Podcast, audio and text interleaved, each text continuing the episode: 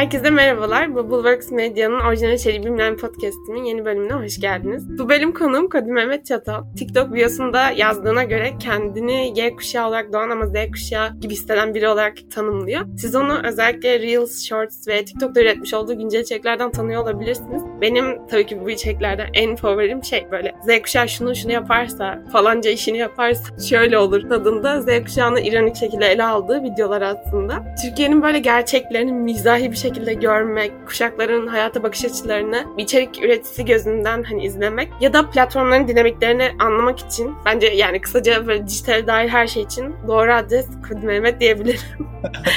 Bunun yanı sıra böyle ufak LinkedIn stalklarımdan gördüğüm kadarıyla da aktif olarak bir isimli yaratıcı bir dijital ajansta influencer marketing manager olarak çalışıyor. Yani tam zamanlı bir içerik üreticisi ve influencer pazarlama yöneticisi. Wow. ben böyle ufak stalklarımdan elde ettiğim bilgi kırıntılarını paylaştım ama seni de daha yakından tanımak için sabırsızlanıyorum hikayeni senden dinlemek için. O yüzden böyle fazla da sözü uzatmadan mikrofonu sana uzatmak istiyorum. Hoş geldin. İyi ki geldin. Nasılsınız? Gidiyor. Hoş bulduk. Selamlar. Öncelikle teşekkür ediyorum beni de konuk ettiğin için yeni bir bölümüne. Ben bundan sanırım bir buçuk sene önce bir podcast arayışına girerken sana zaten mailde de bahsettiğimde karşıma çıkmıştı podcast'ım ve böyle birkaç bölümü dinleyip şey ne kadar güzel içerikler çıkıyor falan. O dönemlerde ben de bir podcast'e mi girsem acaba? Çünkü bütün sosyal medya platformlarında varım. Bir podcast eksik kalmıştı oraya da gireceğim derken Aa, çok güzel içerikler yapan kişiler var derken senden gelen maili görünce bir böyle ben de bir sevindim yani. Çok teşekkürler tekrar davet ettiğin için sen de. Keşfetmiş olmanı ben onure oldum şu an. Böyle bölüme girmeden önce de ufaktan bir sohbet etmiştik zaten. Ben de dediğim gibi biyomedikal okudum ama bambaşka işler yapıyorum. Sen de aslında kimya okuyup şu an bambaşka işler yapan ve oldukça da başarılı bir içerik üreticisi ve influencer pazarlama yöneticisi. Bu yüzden böyle kariyer hayatın nasıl başladı biraz işte ne noktada değişti ve aslında bugünlere nasıl geldin, şu an neler yapıyorsun biraz bunlardan bahsedebilirsen süper olur. Tamamdır.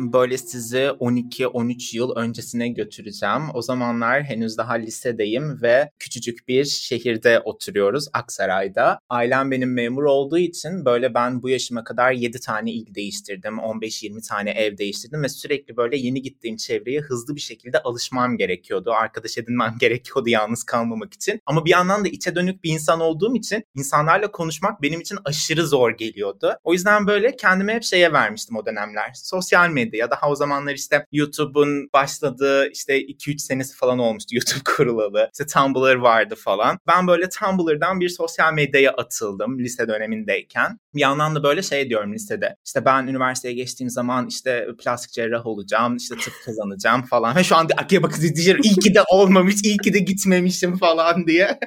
İşte şey bir yandan böyle sosyal medyaya başladım yapmaya. Küçük küçük böyle işte yurt dışındaki YouTuber'ları, vlogları izlemeye başladım onlar beni inanılmaz derecede kendine çekti. Ve böyle işte o zamanlar dediğim gibi sürekli böyle bir yer değiştirdiğimiz, bir yerlere taşındığımız ve böyle bir noktada yalnız hissettiğim için kendimi o videoları izlerken yalnız hissetmiyordum. Yeni insanları görmek, onlarla aynı düşünceye sahip olduğumu görmek beni inanılmaz mutlu ediyordu. Ve kendi kendime şey dedim. Ya ben de bunu yapayım, ben de buna başlayayım. Hani bir yerden bir tutturmaya çalışayım. Ben de böyle Türkiye'de insanlara ulaşmaya çalışayım diyerek işte YouTube'du, Instagram'dı, bildiğim bütün şey sosyal medya platformlarına giriş yapmaya başladım. Bu sırada da şey yapıyorum. İşte liseyi bitirmeye çalışıyorum. Üniversiteye başlayacağım falan. Lisede de kafamda hep şey var böyle. Ben inanılmaz böyle Disney ile büyüyen bir insanım. Disney filmleri, işte dizileri falan. Lise hayatını böyle işte High School Musical gibi, işte Camp Rock gibi falan düşünüyorum. Ama sen gel gör ki Anadolu'nun küçük bir şehrinde bir liseye gidiyorsun. Ve böyle liseye gittiğimde şey bu mu ya falan hani hiçbir işte doğru düzgün bir kulüp bile yok falan derken ben böyle işte müdür yardımcısına gidip işte hocam ben tiyatro kulübü kurmak istiyorum. Ben işte müzikal yapmak istiyorum falan. Yani şu an böyle geriye dönüp baktığımda bana bu içerik üretme aslında bir şeyleri üretme yolunda çok destek olduğunu düşünüyorum o kadının. Buradan çok teşekkür ediyorum. Kendisine de eğer dinliyorsanız hocam zaten sosyal medyadan takip ediyor. Ben bunu paylaştığımda dinleyecektir diye düşünüyorum. Bana böyle o zamanlar çok amaçlı salonumuz vardı. Onun anahtarını vermişti. Hani öğle aramız oluyordu bizim sabahtan akşama kadar liseye gidiyorduk. Öğle arasında bir saatlik bir aramız oluyordu. O bir saatte biz gidip orada işte tiyatro kulübü, müzik kulübü, içerikler falan üretiyorduk. Ben o sene sınava hazırlanamadım. Bu sürekli böyle tiyatrolarla bir şeylerle uğraştığımız için. Aileme dedim ki ben hani sınava hazırlanamadım. O yüzden tercih yapmayacağım bu dönem ve ben mezuna kaldım. O mezuna kaldığım dönemde bir yandan ders çalışırken bir yandan sosyal medyamı geliştirmeye devam ediyordum. İşte Tumblr'da birden böyle 25 bin takipçilere falan ulaştım. İlk benim kendimi şey hissettiğim sosyal medyada evet bir community'm var, bir topluluğum var dediğim yer oldu. Sonrasında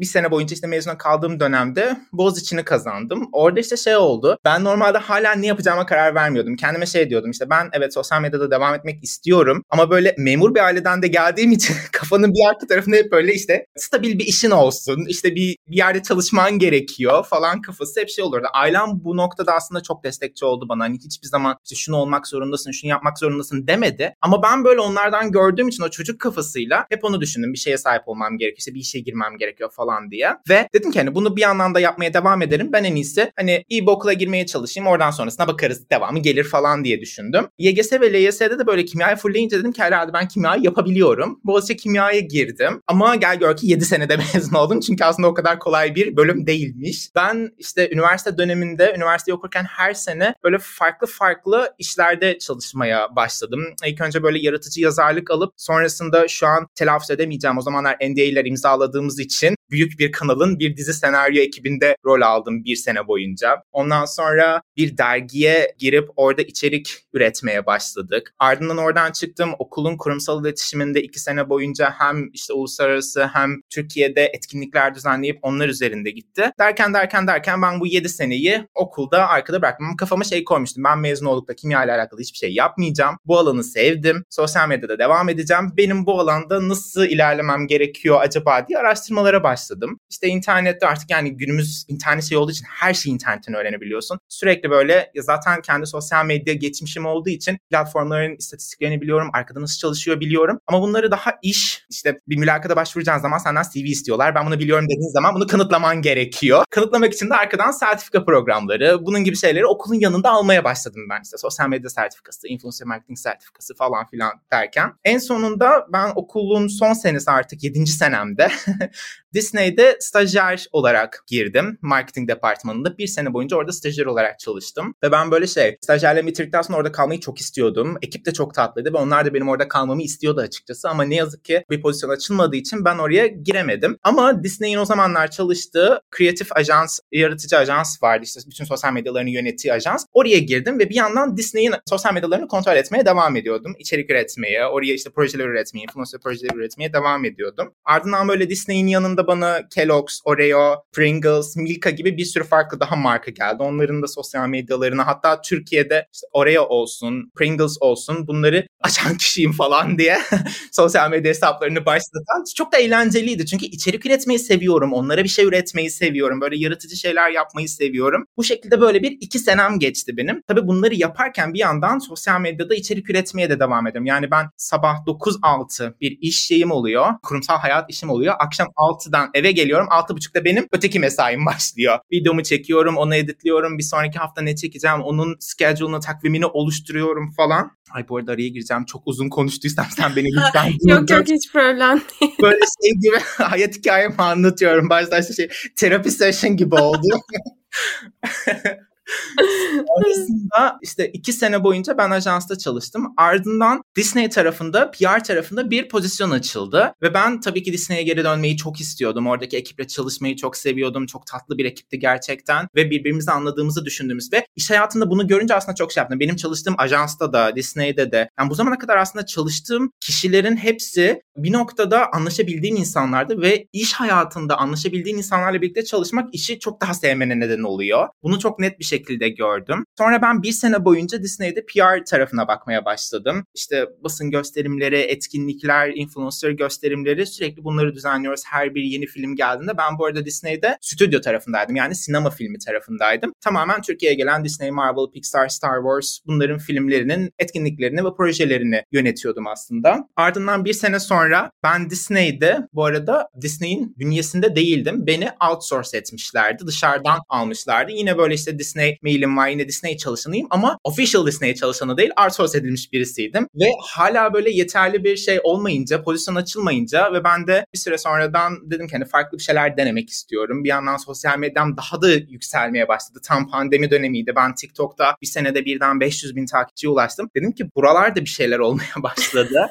ve ben hani bu tarafa da biraz odaklanmam gerekiyor falan derken işte bu yılın Ağustos'u gibi ben Disney'den ayrılma kararı aldım. O sırada aslında Collective House'la görüşüyordum ve oraya geçecektim. Hatta onlarla en son noktaya kadar geldik teklif yerine kadar. Ardından ben eski ajansımı aradım. Şimdiki aslında çalıştığım yerdeki şeyi kurucusu Hande var ve inanılmaz iyi bir insan ve düşüncelerine ve fikirlerine aşırı derecede önem gösterdiğim birisi. Onu arayıp sordum. Dedim ki böyle böyle hani ben böyle bir yere başvurdum başlayacağım Disney'den ayrılıyorum. Ne diyorsun ne düşünüyorsun falan. O da dedi işte senin için çok güzel bir şey olur. Sen zaten hani yapabileceğine inanıyorum falan falan bu şekilde dedikten sonra telefonu kapattı. Aradan böyle birkaç saat geçtikten sonra tekrar aradı. Dedi ki ya sana bir şey sunmak istiyorum. Hani biz influencer marketing alanında birini arıyoruz aslında. İlgilenir misin? Sen Disney'deyken sana hiç sormak istemedik çünkü hani orada mutluydun, memnunum ve senin işte kafanı karıştırma açısından falan diye. Ben de böyle bir hani zaten tanıdığım bir yersiniz ve şu an bana şey dedi hani exclusive olarak tamamen sadece Amazon projeleriyle ilgileneceksin. Başka hiçbir markaya bakmıyor olacaksın diye. Ben de zaten Amazon da bir noktada sevdiğim bir marka Disney'den sonra ve böyle influencer tarafına, influencer marketing tarafına zaten girmeyi çok istiyordum. Disney'den bir noktada ayrılmamın nedeni de aslında orası daha PR tarafıydı ve ben artık PR'da alacağımı aldım, vereceğimi verdim ve devam etmemeye karar vererek çünkü daha böyle aslında kendi sosyal medyalarımda da dijital tarafta kendimi yetiştirdiğim ve oradaki know-how'ımın daha yüksek olduğunu bildiğim için bu alana geçmek istiyordum. E, influencer marketing olunca ve Amazon'da olunca çünkü çok yoğun bir aslında şey yapıyorlar işte kampanya dönemleri oluyor. inanılmaz yoğun bir çalışma şey oluyor. Bana çok şey katabileceğini inandım ve 3,5 ay önce işte oraya başladım. 3 aydır şu an oraya bakıyorum. 3 ay deyince böyle aslında çok kısa gibi geliyor ama çok uzun geçti gerçekten. Çok güzel ve çok uzun geçti. Birçok şey öğrendim. Özellikle Amazon'un çalışma kültürünün diğer bütün şirketlerden çok daha farklı olduğunu ve aslında bana çok daha yakın olduğunu öğrendim. Çünkü ben çok data odaklı çalışan bir insanım. Bir şeyleri deneyimleyerek o denediğim şeylerden çıkan sonuçlardan ders alarak yeni bir şeyler üretmeyi seven bir insanım ve bunun üzerinden çok çalışan bir şirket. O yüzden bu şekilde devam ediyor. Bir yandan da sosyal medyada hala içerik üretmeye devam ediyorum. Orayı bırakmayı asla ve asla düşünmüyorum. Hatta böyle gelecekteki şeylerde burası kurumsal hayattaki HR müdürlerim izlemesinler veya dinlemesinler için kurumsalı bırakıp genelde bir şeyde soruyorlar ya mülakatlarda 5 sene sonra nerede olmayı düşünüyorsun? Tabii ki bu şirkette çok daha iyi çalışma yerlerinde falan. Ama hayır yani gelecekte aslında tamamen kendi markamı öne çıkarmak ve kendi işlerimi yapmaya yönelik bir yere gelmek istiyorum ve buraya gelirken de çalıştığım işlerde güzel bir şeyler başararak gitmeyi hedeflediğim bir hayat hikayem diyerek teşekkür ediyorum. Sözü sana bırakıyorum. Çok konuştum. Ya harika bir özet oldu. Böyle büyük ihtimalle daha kısa olsa olsa ben ekstra soracağım şeyleri de zaten sen böyle inanılmaz bir akışta anlattın şey de çok güzel hani yani her şeyin bir şey birbirine bağlanıyor olması gerçekten çok kıymetli. Hani o liseden tutup aldığın hikayende o mesela işte okulundaki bir öğretmenin sana destek olması ve o ışıkla belki de bambaşka bir kariyerin sana açılması. Bu arada benim de benzer bir hikayem var. Yasmin'in bölümünde de bahsetmiştim. Yasmin ikinci sezonda konuk olmuştu bana. Benim de böyle şey bir tane Türkçe hocam kompozisyon yazılarımı çok beğeniyordu. Ve hani o böyle şey yapmıştı. Devam etmelisin. Keep up with the good work tadında konuşmuştu. O yüzden bence hani böyle toparlayıp yani hikayeni böyle bütünsel görmek harikaydı. Ben aklımda inanılmaz zaten sorular var bu arada. böyle şey taramalı tüfek olarak onları soracağım. Ama ilk başta şeyi merak ediyorum. Aslında yani nasıl bir motivasyonla içerik üretmeye başladığından bahsettin ama ben böyle biraz şeylere bakarken platformlarda senin geçmişini incelerken işte 2015 yılında Medium'da yazı yazdığını gördüm. İşte YouTube'daki ilk videom böyle 2016'da en en aşağılara gittiğimde. O yüzden böyle gerçekten şey hani daha oralar dutlutken sen varmışsın o noktada hani ya tabii ki de motivasyonunu bahsettin ama yine de hani içerik üretmeye nasıl başladın? Yani genelde böyle insanlar işte ay telefonu alayım da videomu çekeyim de işte ne bileyim kameranın karşısına geçeyim de ya böyle buna cesaret etme noktasında çok şey kalabiliyor birçok kişi. O yüzden hani sen nasıl tetiklendin, nasıl başladın? Şeyden de bahsettin. Eğer bir de ek olarak ondan da bahsedebilirsen süper olur. İşte ben aslında bir takvim planı çıkarıyorum dedi. Bu mesela yine insanların çok zorlandığı bir şey. Yani içerik üreteceğim, ne üreteceğim? Hadi ne ürettiğimi hani belirledim. İşte kime üreteceğim? Üreteceğim. Hadi kime ürettiğimi de verelim nasıl bir planla üreteceğim. Yani bunlar böyle arka arkaya soru işareti kafalarda ve belki de başlamayı çok engelleyen bir şey. O yüzden buralarda senin hani başlamaya yolculuğun ve nasıl şu anda hani böyle bir düzene oturtuyorsun o konuda insightlerini almayı çok isterim.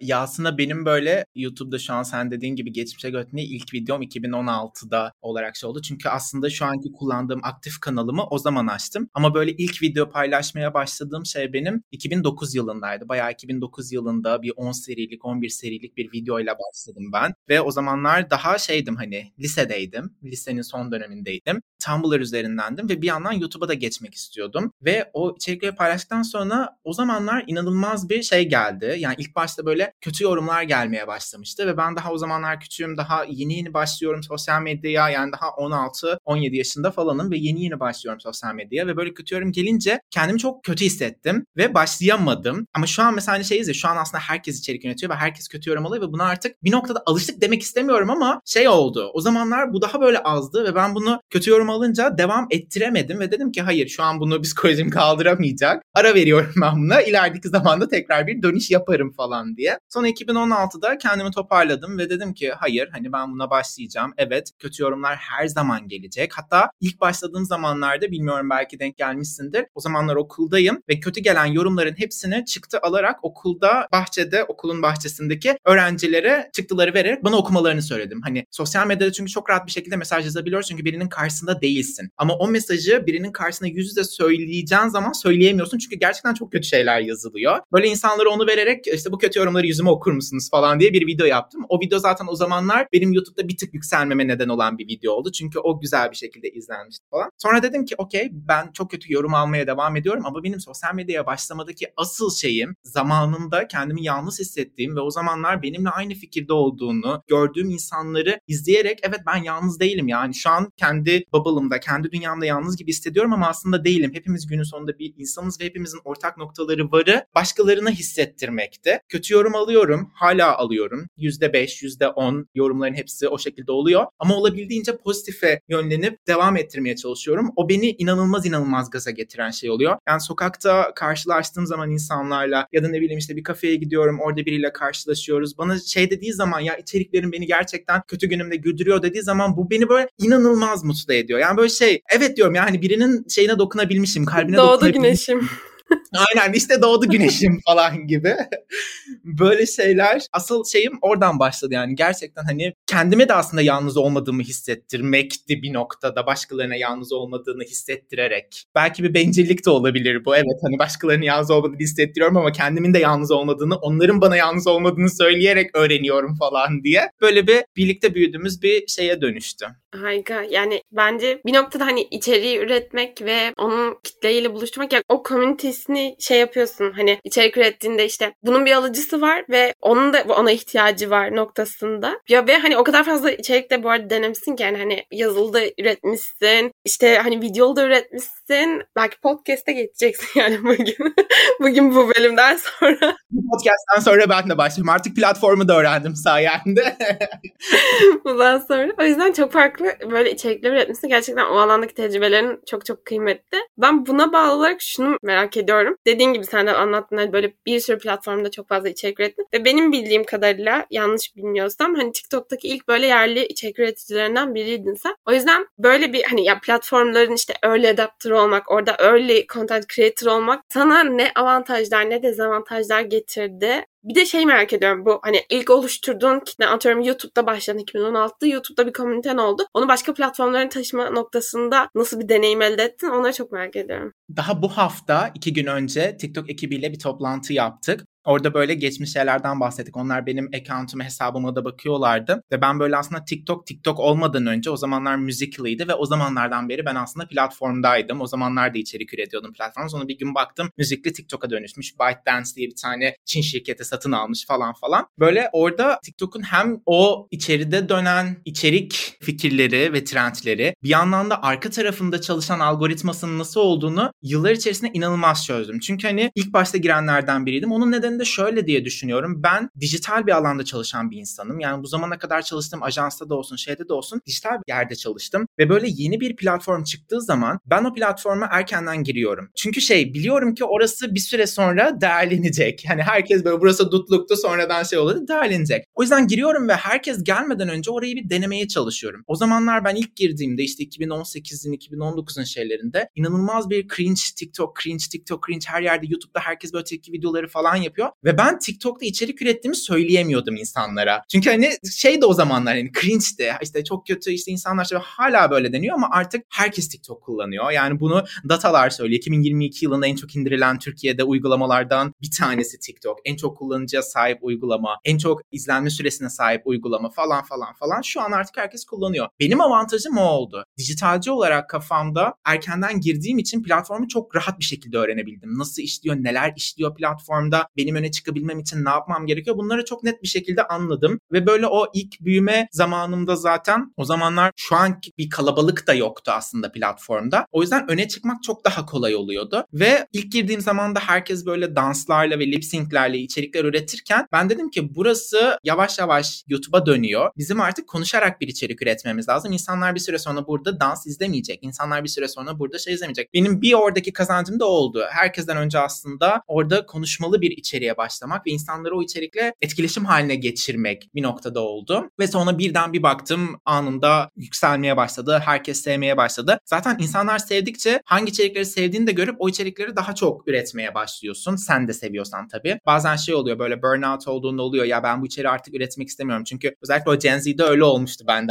O kadar çok Gen Z içeriği üretmiştim ki artık böyle şey oldum. Ben bunu artık üretmek istemiyorum. Ama insanlar bunu seviyor. Ben de seviyorum ama artık yapamıyorum falan gibi bir yere dönmüştüm falan. Sonra şeyi öğrenebiliyorsun yani oradaki insanların da seni aslında sen olduğun için izliyorlar. Yani o videoyu çok fazla benim gibi içerik üreten var. Çok fazla Gen Z ile alakalı video yapan var. Ama insanların beni izlemesini ve beni seçmesinin nedeni bir noktada benim kendi kişiliğimi ve karakterimi o videoya koyuyor olmam. Sosyal medyada şey çok önemli gerçekten. Sosyal medyada kimse şu an orijinal içerik üretmiyor. Herkes birbirinden arıyor. Ben de alıyorum ama önemli olan aldığın o orijinal içeriğe sen kendin karakterinden nasıl bir şey katacaksın? Önemli olan o. Olabildiğince özgün olduğunda, içeriğin özgünlüğünden bahsetmiyorum. Kendi özgün olduğunda, içerik başkasıyla aynı içerikte olsa sen izleniyorsun. Çünkü insanlar aslında seni izliyor orada. Seninle iletişime geçiyor. Seni kendileriyle ilişkilendiriliyor, eşleştiriyor. Ben bence o noktada bir kırılımı güzel yakaladım diye düşünüyorum. Platformlar arasında takipçi taşıma ya da community taşımaya gelecek olursak çok zor. Yani YouTube izleyen birisi TikTok'u izlemiyor. TikTok izleyen birisi Instagram'a bakmıyor. Instagram izleyen birisi diğer platformlara o kadar vakit ayırmıyor. O yüzden olabildiğince aslında bütün platformlarda olmaya çalışıyorum. Çünkü hepsinin belli bir kitlesi, hepsinin belli bir hedef şeyi var. Yani çoğu kişi Instagram'da sürekli vakit geçiriyor. Çoğu kişi TikTok'ta vakit. O yüzden ben mesela içeriklerimi repurpose yapıyorum. Yani TikTok'ta paylaşsam onu Shorts'ta da paylaşıyorum. Onu Instagram'da da paylaşıyorum. Sonra deniyorum, bakıyorum hangisinde hangi tarz içerik daha çok tutuyor. Sonra o tarz içeriği o platforma entegre etmeye başlıyorum. Biraz böyle test and learn, test et ve öğren ve hayatına entegre et şeyiyle ilerliyorum. Ama şunu gördüm ki TikTok'taki takipçi gerçekten her yere geliyor. Benim şu an Instagram'ı ve YouTube'u yükseltmemin tek nedeni TikTok'tu kesinlikle. TikTok'u yükselttikten sonra oradan insanları Aa evet işte şimdi uzun video olarak da YouTube'a çektim hadi gelin dediğimde geliyorlardı. Ama YouTube'dakine hadi gelin ben TikTok'ta da içerik üretiyorum dediğim zaman gelmiyorlar onlar. Onlar orada kalıyorlar. Yani böyle platformlar arasında savaşlarda bazı platformlar bir tık daha öne çıkabiliyor. Evet ya biz de onu hani şeyde çok fazla deneyimlemiştik. İşte bu benim de aslında podcast'i beraber yürüttüğüm işte Bubbleworks var. Orada da böyle onlar da podcast komünitesi üretmişlerdi. Ve TikTok'ta inanılmaz Spotify'a gidiyor. Yani şöyle gerçekten çünkü mesela ben işte podcast'a başladım. Ben de 2020 yılında başladım. O zaman herkes böyle şeydi. Aa evlerdeyiz ve o podcast diye bir şey var dinleyelim falan. Ve onu yeni insanlar şey yapıyor. Arkadaşlarım Spotify'da podcast kısmı onu bilmiyordu. O yüzden böyle gerçekten Instagram'dan işte Instagram'da aslında oraya git e, diye bir yönlendirme var. Spotify yönlendirme şey var. Ama gitmiyor insanlar gerçekten. Platformda hani iki tık yapmak istemiyor. Aynı çizelgede ya sağa gitmek ya yukarı gitmek istiyor sadece. O yüzden gerçekten TikTok'un çok game changing bir noktası. Yani oradan işte içerikler yapılınca bu podcast'la ilgili çok fazla şeyleri gördük yani. Hani Spotify'a giden işte podcast dinlemeye yönlendiren şeyleri görmüştük. O yüzden böyle bunu senden de duymak bu kadar farklı platformlarda içerik üreten birinden duymak gerçekten iyi bir şey oldu. Ve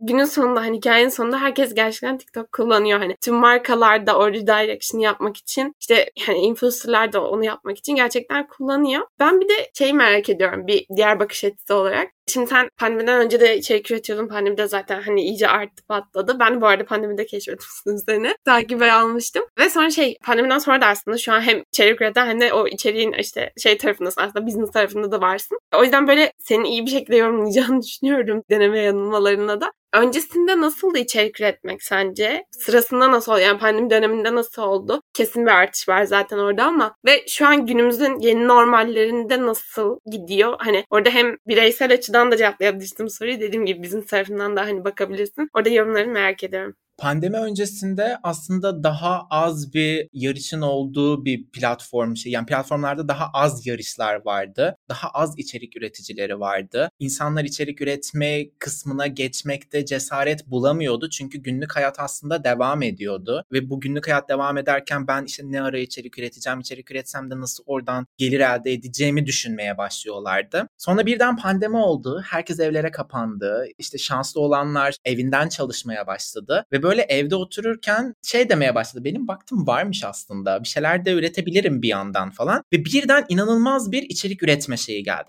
Herkes içerik üreticisi olmaya başladı. Ben zaten o yüzden 2023-2024 zamanlarına doğru artık influencer kelimesinin kullanılmayacağını, onun yerine community builder kelimesinin kullanacağını, topluluk oluşturucu kelimesini. Çünkü herkes influencer artık. Yani gerçekten viral olmak çok kolay, yükselmek çok kolay, takipçi elde etmek çok kolay ama onları tutabilmek artık zor. Çünkü insanlar o kadar çok içerik tüketmeye alıştık ki pandemi sırasında o içerikleri özellikle hızlı üretmeye başladı. Çünkü pandemi öncesinde YouTube vardı ve YouTube'da izlediğin video aslında ortalama 10 dakikalık bir videoydu. Sen onu açıp bir dizi izler gibi izliyordun. Ama pandemi bize o YouTube videosunu izleyememe alışkanlığını kazandırdı. Artık böyle 15 saniyelik, 1 dakikalık, maksimum 1,5 dakikalık videolar izlemeye başladık Reels ve TikTok'la birlikte. Onun artmasıyla birlikte. Yani short insanların attention span'i inanılmaz derecede azaldı burada. Ve bu tabii bir noktada YouTube'a kötü olarak yaradı. Bir noktada insanların daha çok içerik üretmesine neden oldu. Pandemi sonrasında da şu an insanlar hala bu short içeriklere odaklanıyor. Onları izlemeye devam ediyor. Ama ben aslında önümüzdeki senelerde yine YouTube'a bir kayışın olacağını, özellikle podcast tarafına bir kayışın olacağını ki zaten sen de görmüşsündür belki. Özellikle 2022'nin sonlarına doğru TikTok'ta inanılmaz bir podcast hesabı yükselmeye başladı. Özellikle böyle bir saatlik podcastlerden küçük kesintiler alarak onlar böyle milyonlar izleniyor. Sonra oradan birden insanları Spotify'a yönlendirip podcast dinlemeye. 2023-2024'te bu daha da artacak. Çünkü insanlar pandemi döneminde ve pandemi dönemi sonrasında kısa içerik tüketmekten inanılmaz yoruldu ve sıkıldı. Tekrar uzun içerik tüketmeye dönüşler başlayacak. O yüzden benim 2023 hedeflerim arasında YouTube'a daha yoğun içerikler üretme şeyim var. Hani kendime şimdiden o takvimi oluşturmaya başladım. 2023'te şu şu şu konularda YouTube'a şu şu şu içerikleri üreteceğim diye bir takvim oluşturmaya başladım kendime. Ama bunu yaparken tabii yine TikTok ve Instagram üzerinde devam etmeye, oralarda içerik üretmeye devam ediyor olacağız. Ama yani evet pandemi şeyi çok değiştirdi. Tüketim alışkanlığını ve sosyal medyadaki kalabalığı çok değiştirdi. Yani artık çok çok daha fazla competition var. Türkçesi neydi competition'ın? Rekabet, yarış. Rekabet var. Çok daha fazla rekabet var.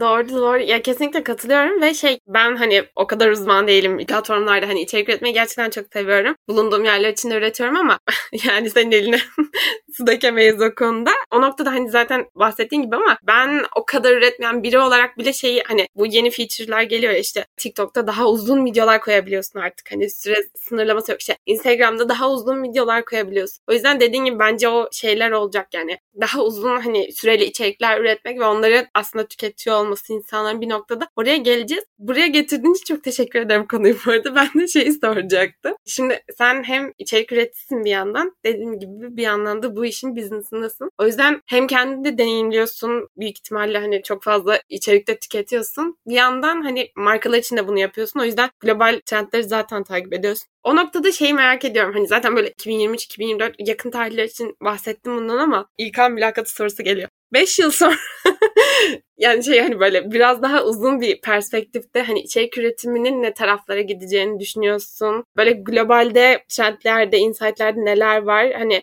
şeylerden bahsettin zaten dediğin gibi community building taraflarından bahsettin. E işte mesela ne bileyim ben de şey geçen etkinliğe gitmiştim işte artık Instagram'da da insanların abone olabileceği yapılar geliyor. YouTube'daki işte kitle mevzusu geliyor. Buralar zaten şey biz farkında olmasak da yavaş yavaş platformların bize pompaladığı şeyler ama bir noktada da hani dediğim gibi hem bireysel hem business tarafı tarafta bunun nerelere gideceğini, içerik üreticiliğin nerelere evrileceğini düşünüyorsun? Onu merak ediyorum. Şöyle hiçbir zaman bitmeyecek. Herkes şey diyordu normalde işte YouTuber'lar geldi şu an ama işte bir gün YouTube bitecek ve insanlar ne yapacak falan. Bu hiçbir zaman bitecek bir şey değil. YouTube bitecek, TikTok gelecek, TikTok bitecek, başka bir şey gelecek. Yani insanlar sosyalleşmeyi artık telefon ve bilgisayar ve dijital üzerinden yaptığı için hiçbir zaman ölmeyecek bu. Influencer'ları, fenomenleri her zaman görüyor olacağız. Onlar her zaman içerik üretiyor olacak. 5 yıl önce, 10 yıl önce yapılan vloglar hala yapılmaya devam ediyor olacak. Ve bir süre sonra şey şeyler, trendler sürekli birbirini tekrar ediyor olacak. Aslında hala onu görüyoruz. Yani şu an bu yıl içerisindeki trendlerin çoğu aslında 4-5 sene önceki trendlerin bir tık böyle değişmiş hali. Çünkü böyle tarih kendini tekerrürden ibaret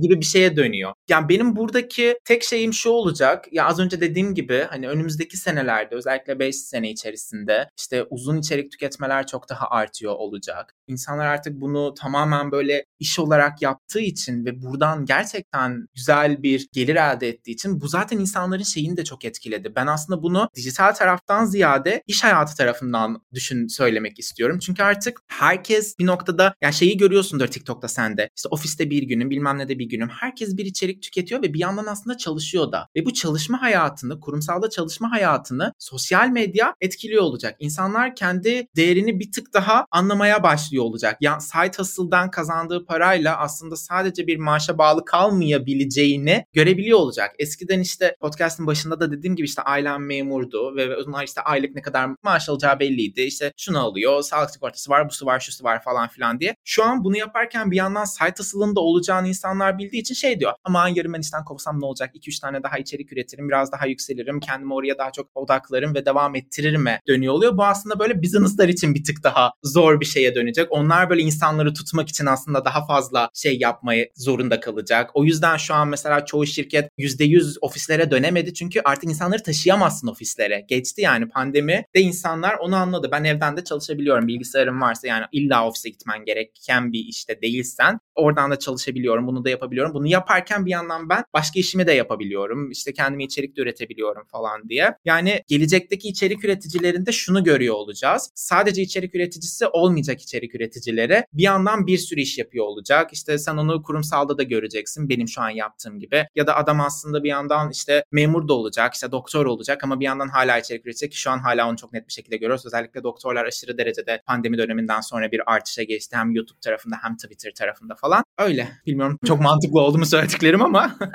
yo yo kesinlikle katılıyorum. Ya ben de şey bir noktaydı böyle püf bir nokta ve bence dikkat etmemiz ve onu takip etmemiz hani peşinde neler olacağını takip etmemiz gereken bir nokta. İş yeri beklentilerimiz değiştiği için işler de değişecek. Yani normalde insanların sözleşmesinde tek yerden maaş alabilirsin ibaresi varken dediğin gibi o site joblarla yani o yaptığımız ek işlerle ya bu sadece işte şey de hani ya içerik üreticilerin bugün konuştuk genel olarak baz aldık ama işte ne bileyim bireysel product geliştiricileri de böyle aynı zamanda. Onlar da koyuyor ürünlerini satıyor bir noktada. O yüzden ben de maddelerimizin değişeceğini, o iş yerlerinin de beklentiyi karşılamak, yeteneklerini de tutmak için dönüşeceğini ben de düşünüyorum. Sanıyorum orayı böyle şey yakaladık o ipin ucunu daha da çekmeliyiz ve hızlı orayı açmalıyız gibi. Özellikle Türkiye gibi bir gündemde. Burada küçük bir parantez açacağım mesela. O konuda çok haklısın. İşte bazı şirketler ya da şeyler buna izin vermeyebiliyor aynı anda başka yerden maaş alma. Yani mesela ben şu an içerik ürettiğim ve sosyal medyadan para kazandığım için benim aslında bir şahıs şirketim var ve ben faturamı kesiyorum ve vergimi ödüyorum. Şu an aslında bir yerde çalışmıyor olsam, bir kurumsal şeyde çalışmıyor olsam ben bu tarafta kendi bağ kurumu da ödeyeceğim. Ama şu an şirkette çalıştığım için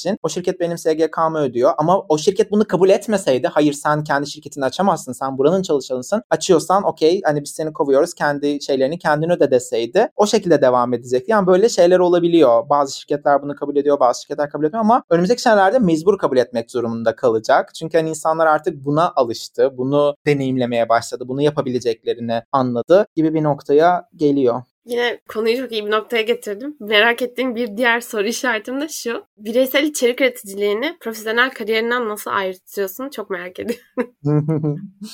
Şöyle zaten ben mesela bundan önceki dönemde Disney'de çalışırken rakip markalarla işbirliği yapmam yasaktı haliyle. Çünkü Disney bünyesindeyim ve onlarla herhangi bir sosyal medyada şey yapamam. Bunları kabul ediyorsunuz. Şu an mesela Amazon'a baktığım için de daha önceden ben Trendyol'da çalışırken ve Trendyol'la linklerle komisyon üzerinden de gelirler elde ederken Şu an Amazon'la çalıştığım için bunu yapamıyorum. Rakipler bu biraz benim için eksi oluyor tabii ki. Ama diğer türlü şeylerle işte farklı markalarla çalışarak işte kendi şeyimi o tarafa adapte ederek yani diyorum ben okey ben Amazon'la şeyde Trendyol'da çalışamıyorsam okey o zaman sizinle o zaman bir affiliate çalışalım ve ben buradan aslında oradaki açığımı kapatayım gibi bir şeylere döndürüyorum. O biraz böyle şey senin karşı tarafta kuracağın ilişkilerle de şekilleniyor bir noktada. Ama şey oluyorum hani evet seçici olman gerekiyor. Çalıştığın özellikle kurumsal şirketin çalışmamanı istediği markalar mutlaka oluyor ki olmak zorunda zaten hani o rekabetten işte conflict of interest'ten falan falan bir sürü şeyden bunlarla çok karşılaştım. Ama işte onu çözebileceğimiz noktaları da bulabiliyoruz. Onlarla bağlantısı doğrudan olmayan markalarla çalışabiliyorum. Onun dışında sosyal medyada zaten ben hiçbir zaman şeyi paylaşmadım. Yaptığım işin ne olduğunu, yaptığım işte nasıl yaptığımı. Çünkü bunlar da aslında bir noktada şirketin gizli bilgileri gibi bir şey olduğu için bunu açıklayamam ve beni dava edebilirler, şey yapabilirler. O yüzden insanlar bana sürekli şey soruyordu işte Disney'de çalışırken de. Evet Disney'de çalıştığımı söylüyordum ama işte ne iş yapıyorsun, nasıl gidiyor falan. Bunları sosyal medyamda paylaşmak istemiyordum. Çünkü orası aslında benim bir iş alanım. Yani şey gibi düşün hani Disney'i Netflix kendi hesabında paylaşıyormuş gibi düşün yani. Sonuçta sosyal medyada da ben de bir markayım. İsmim de bir marka. Orada insanlarla da çalışıyorum. O yüzden kimse yaşamıyor. Herkes böyle DM atıyordu. Sen ne iş yapıyorsun? Asla bilmiyorum işte. Ne yapıyorsun? Sürekli bir yerlerdesin. Nasıl çalışıyorsun falan. Açıklayamıyorsun.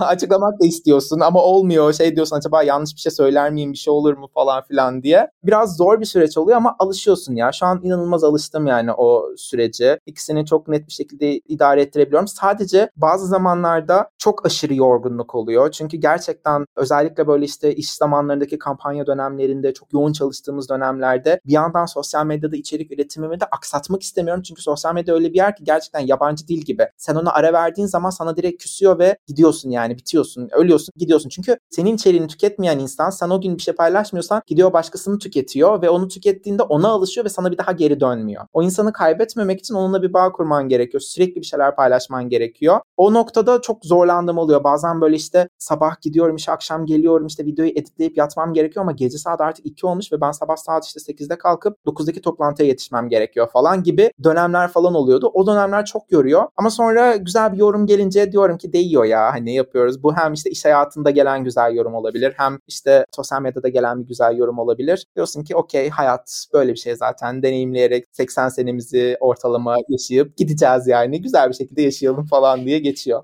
Süper. Sen böyle platformlarda hani sürekli içerik üretmek gerektiğine basınca bu şeyde girişimcilikte çok cool bir laf var. Came for the tool, stay for the network. işte gerçekten o şey için, o community için kim ne yorum yapmış altına falan gibi onun için kalıyor insanlar. Ben harika bir böyle 40 dakika geçirdik beraber. Çok şeyler konuştuk. Hani öğrenmek istediğim çok şeyi sordum.